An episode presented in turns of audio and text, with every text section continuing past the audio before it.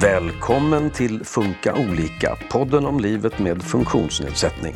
Det finns många forum för mammor och för familjer till barn med funktionsnedsättning. Men inte lika många för pappor. Behövs det? Ja, det tycker dagens gäster som under lång tid varit med i pappagrupper. Vad har pappaträffarna betytt för dem? Från början då när, när våra barn var små och våra handikapp delvis var okända i samhället så, så var det ju jobbigt att behöva förklara varje gång någon träffade barnet vad det är för handikapp och så. Här träffar man ju personer som har, hade då längre erfarenhet än vad jag själv hade och hade också äldre barn. Och man blev väldigt stärkt av att se hur, och höra hur de barnen har lugnat, blivit lugnare med åren. Liksom, det blir ändå, om man är mamma och pappa till exempel, och det blir ändå lite skillnad tycker jag. Vi kanske, om man säger, mammorna kanske pratar lite mer om funktionsnedsättningen och runt om det. Men alltså vi kanske har lite svårare för det.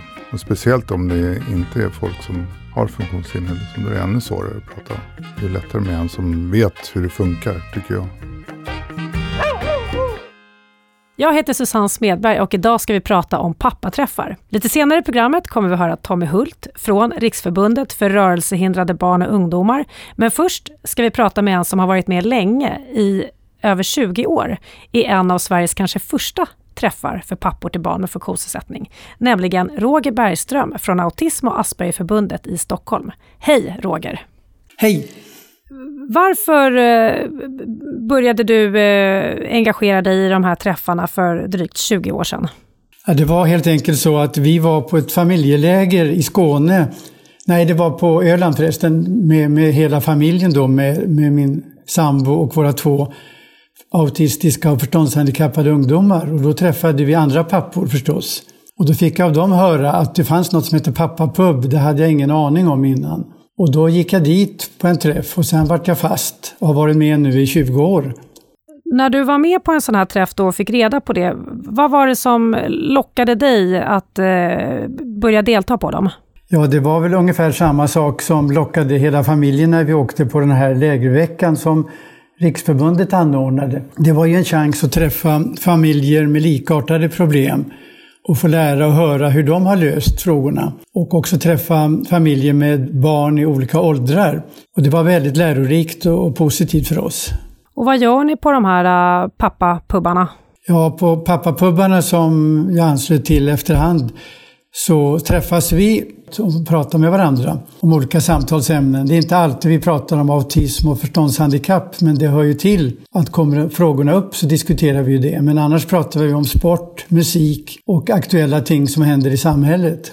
Och om man då tänker lite kopplat till behoven som eh, ni har, vad, hur kan samtalen gå då kring mer autism och familjesituationen? Om vi hoppar tillbaka till när vi började och så var det väl framförallt frågor kring vilken hjälp och support kan vi få ifrån kommunen och ifrån samhället eftersom det var ju redan på 70-talet som vårt första barn med autism föddes och då var det ganska okänt och vi hade väldigt dålig support. Och då var det lärorikt att höra hur andra familjer hade fått support och hjälp så att vi kunde hitta rätta kanalerna. Hur ser din egen situation ut? Vad har dina barn för eh, diagnos? Ja, vi har, min sambo och jag, två barn födda en, en 77 och en pojke och en flicka född 84. Och båda är födda med autism och eh, grav förstånds, gravt förståndshandikapp. De saknar tyvärr tal så vi har lite extra bekymmer då med att kunna kommunicera med dem och trots olika träningsmetoder så har fortfarande ingen av dem tal. Och nu är de båda i 40-årsåldern. Hur har livet eh, varit hemma hos er? Ja, det var ju turbulent när de båda var små och bodde hemma. Det var ju som att ha Gunilla Bergströms Bill och bolla, men vi hade två bollor, en pojke och en flicka som vände upp och ner och välte blomkrukor och, och levde rövare. Men efterhand så har ju vi lärt oss och de har ju vuxit upp och blivit lugnare och har nu varsitt eget boende. Och det fungerar väl och så kommer de hem regelbundet och åker på semestrar med oss. Så vi har ett bra umgänge. På vilket sätt har de här träffarna varit ett stöd för dig i din föräldraroll som pappa, skulle du säga? Ja, det är ju att dels träffa folk och personer som, som lyssnar och som har erfarenheter direkt direkt i sakämnet och kan tillföra mig och min familj råd och dåd som vi kan tillämpa. Det kan vara allt ifrån olika behov av mediciner, hjälpmedel, stöd från LSS-handläggare, BUP och annat.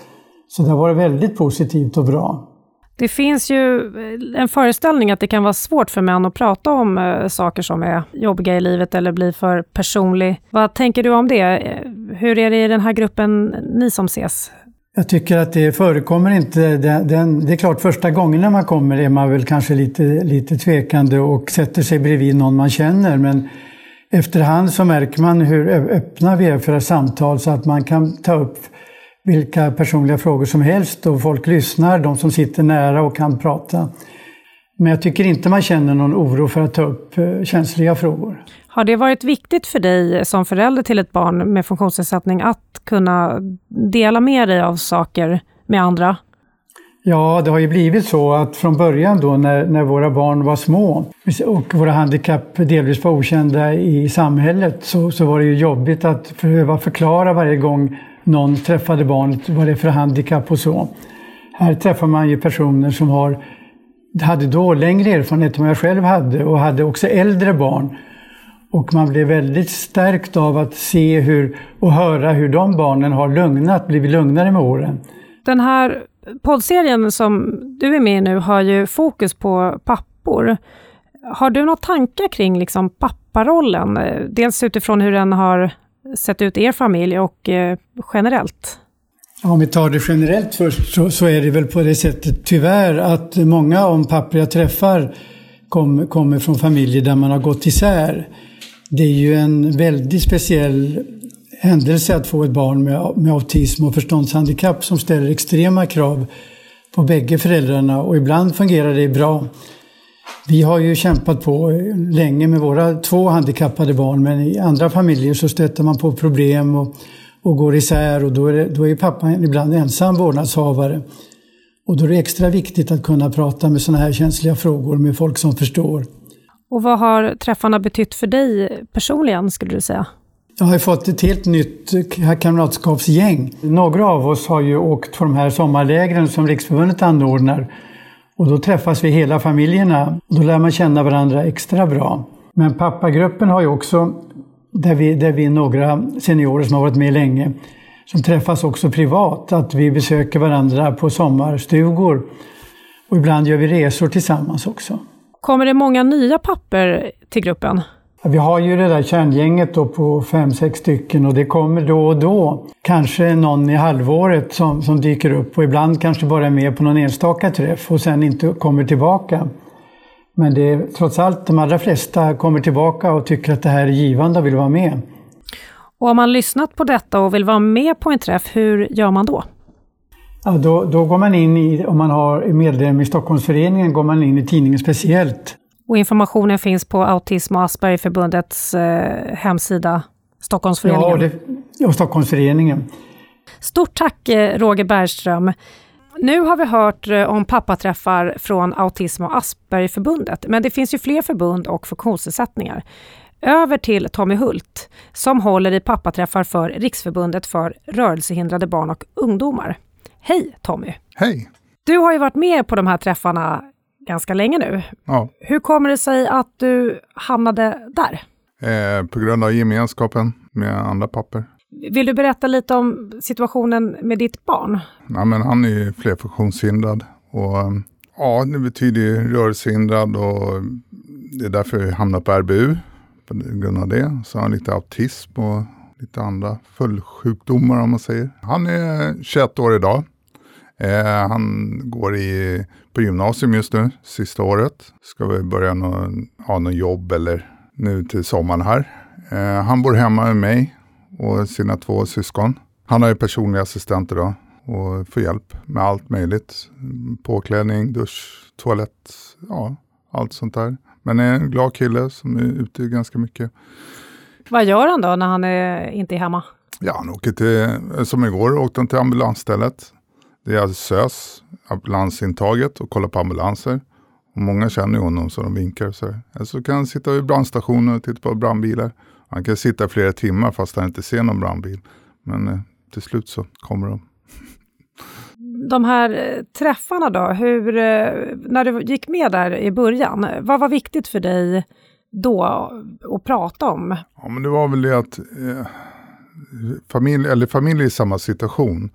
Det känns som, ska man säga, de, de eh, förstår lite mer än övriga kompisar och sådana grejer. Så de, de liksom har förståelse för hur vi mår och vi föräldrar till exempel. Jag har ju syskonen mår och, och det är väldigt viktigt tycker jag. Liksom att man, ja, det blir en bra gemenskap på grund av det. Och sen att de har hittat på massa saker just för oss och våra familjer. Liksom. Är det några särskilda saker som har känts eh, viktiga genom åren att ta upp ur perspektivet pappa till eh, barn med funktionsnedsättning i ditt fall? Eh, träffa andra pappor kanske och liksom prata med dem hur de ser det. För liksom det blir ändå, om man är mamma och pappa till exempel, och det blir ändå lite skillnad tycker jag. Vi kanske, om man säger, mammorna kanske pratar lite mer om funktionsnedsättningen och runt om det. Men alltså vi kanske har lite svårare för det. Och speciellt om det inte är folk som har funktionshinder. Liksom, då är det ännu svårare att prata om. Det är lättare med en som vet hur det funkar, tycker jag. Är det lätt eh, att bli ensam om man är pappa i den här situationen? Ja, det kan det ju vara. Det är inte helt omöjligt. Jag tror ju, tror ju faktiskt mammorna pratar sinsemellan mer än vad papporna gör. Det är därför pappaträffarna är så viktiga. Liksom, de, de kanske ringer varandra och har mer. Jag vet inte varför vi pappor inte har den goet om man säger så.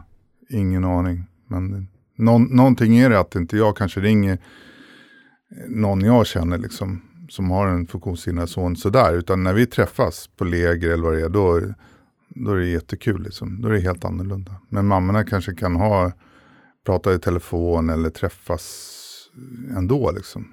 Finns det ändå en trygghet i att det finns någon att kunna höra av sig till? Ja, det gör det. Absolut. Det tycker jag. Jag har ett exempel när min son vägrar gå upp i sin rullstol. Och då ringde en pappa som också har ett funktionsman. Han kom på en gång och hjälpte mig. Och den tryggheten är ju ganska skön. Liksom. Och då visste jag att då fanns ju han där, fast det kanske inte hörs så här jätteofta. Liksom. Eh, ditt barn eller dina barn eh, lever ju eh, på heltid med dig nu mera.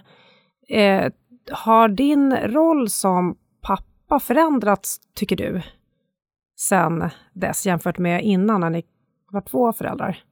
Ja, men det har det ju. Ja, det ändras jättemycket faktiskt. Man, man är ju helt ensam med allting. Liksom. Så det ändras.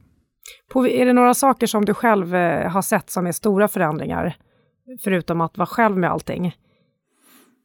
Ja, det är det att eh, när, när korthuset faller, om man säger, när assistenterna inte kommer. Förut hade man ju alltid en till liksom, som kanske kunde vara hemma och vara assistent åt Kasper. Nu är jag, nu är den, jag den sista pusselbiten. Liksom. Så det landar ju på mig att jag får vara assistent ganska mycket. Liksom. Så den biten. Och sen, man har inga pauser liksom. Eh, den här serien handlar ju lite om eh, pappornas roll och mm. eh, att eh, i, i många fall där det finns liksom en mamma och en pappa då, i den typen av relation så är det, tar mammorna ofta ett ganska stort lass men jag undrar också om det finns något i systemet som gör att det kanske blir lite svårare att vara pappa än att vara mamma. Att man har liksom andra förväntningar på sig. Ja, kan man ju ha i och för sig. Det blir ju mammorna som kanske skriver mest till eh, heter det, myndigheter och grejer. Men den rollen jag har fått axla nu då, eftersom jag är helt solo. Då har jag tagit den rollen och fått lära mig. Vilket jag tycker är tråkigt egentligen. Man skulle kunna ha lärt sig lite innan liksom och hjälpts åt lite mer liksom, kanske. Nej, då har man liksom bara skjutsat över. Ja, men hon fixar det. Liksom. Men det känner man ju idag, liksom. det är inte alls så. Men du förstod inte det, du såg det inte så då? Nej, det gjorde jag inte. Men det kommer ju, när allting kommer över en, då, då får man lära sig helt enkelt. Det kändes som att man var på Bambi på hal is en dag här när det hände allting. Liksom sådär. Är det något som du kan prata med andra papper om? Att eh, på något sätt eh, ta den rollen eller? Det har inte blivit så riktigt. Jag har nog faktiskt pratat lite mer med mammorna i det fallet. När jag har massa frågor så kanske jag ringde mamma istället, istället för en pappa. Och Hur det kommer sig vet jag inte. Vad säger de om det då? Nej, det, det är helt okej okay faktiskt. Ja. Eh, du har ju också träffar för pappor på eh, sommarläger mm. eh, för också Riksförbundet för rörelsehindrade barn och ungdomar. Mm. Eh, det här med att, eh, vi har pratat om gemenskap och sådär, men det här med att pappor behöver ett eget forum. Om du får säga några grejer, vad är liksom viktigt med just den typen av forum enkom för pappor? Ja, men, som sommarlägen när vi är där till exempel, då kanske har mamma och pappa kväll eller en bastukväll. Så vi bastar lite och pratar allt möjligt. Och vi försöker ju även prata om våra barn lite grann också under de här pappakvällarna. Och det är bara vi. Liksom, det är ingen annan som lägger sig i. Det är vad vi känner och tycker om barnen. Hur stort är intresset för de här träffarna? Ja, det är inte så jättestort faktiskt. Tyvärr, får jag säga. Hur många kommer då på, nu är det Stockholmsavdelningen vi ja, det är det. Ja, och sist jag hade en träff, då hade jag ju go-kart vet jag. Ja, go-kart med bågskytte var det. Och, men det var, kom sex stycken kanske. Och eh, om man vill vara med, då, är, då, får man kallelse som medlem helt enkelt? Mm. Eh, mm. Går via RBU då, så de kallar den. Och vad skulle du säga slutligen det viktigaste som du har fått eh, av de här träffarna? Att lära känna dem lite mer än en vanlig kväll. Än runt, man har massa familj runt omkring sig. Utan en helt annan situation. För det är inte vanligt att man går ut och äter och har kul med gokart och det när man med barnen och mammorna kanske. Utan här är något vi gör, liksom, gemenskap. Liksom. Ja. Och en viktig stund för dig själv då, låter det som. Ja, det är också. Komma bort lite från vardagen och tänka på något annat. Det är ju väldigt viktigt. För det är tror jag man glömmer bort ibland. Man, man går där harvar och harvar och så bara, ja, får man göra något kul och då bara, ja. mm. Ja, där säger jag stort tack Tommy Hult eh, från Riksförbundet för rörelsehindrade barn och ungdomar. Och så hoppas jag verkligen att det kommer fler eh, personer på de här ja, träffarna. Då. Hoppas jag också, verkligen. Tack. Du har lyssnat på Funka olika. En podd från Habilitering och hälsa som en del av Region Stockholm. Och det här var det tredje och sista programmet i serien om pappor. Men vi är snart tillbaka med nya avsnitt. Då kommer det handla om sex och sexuell hälsa hos unga. Vi hörs då!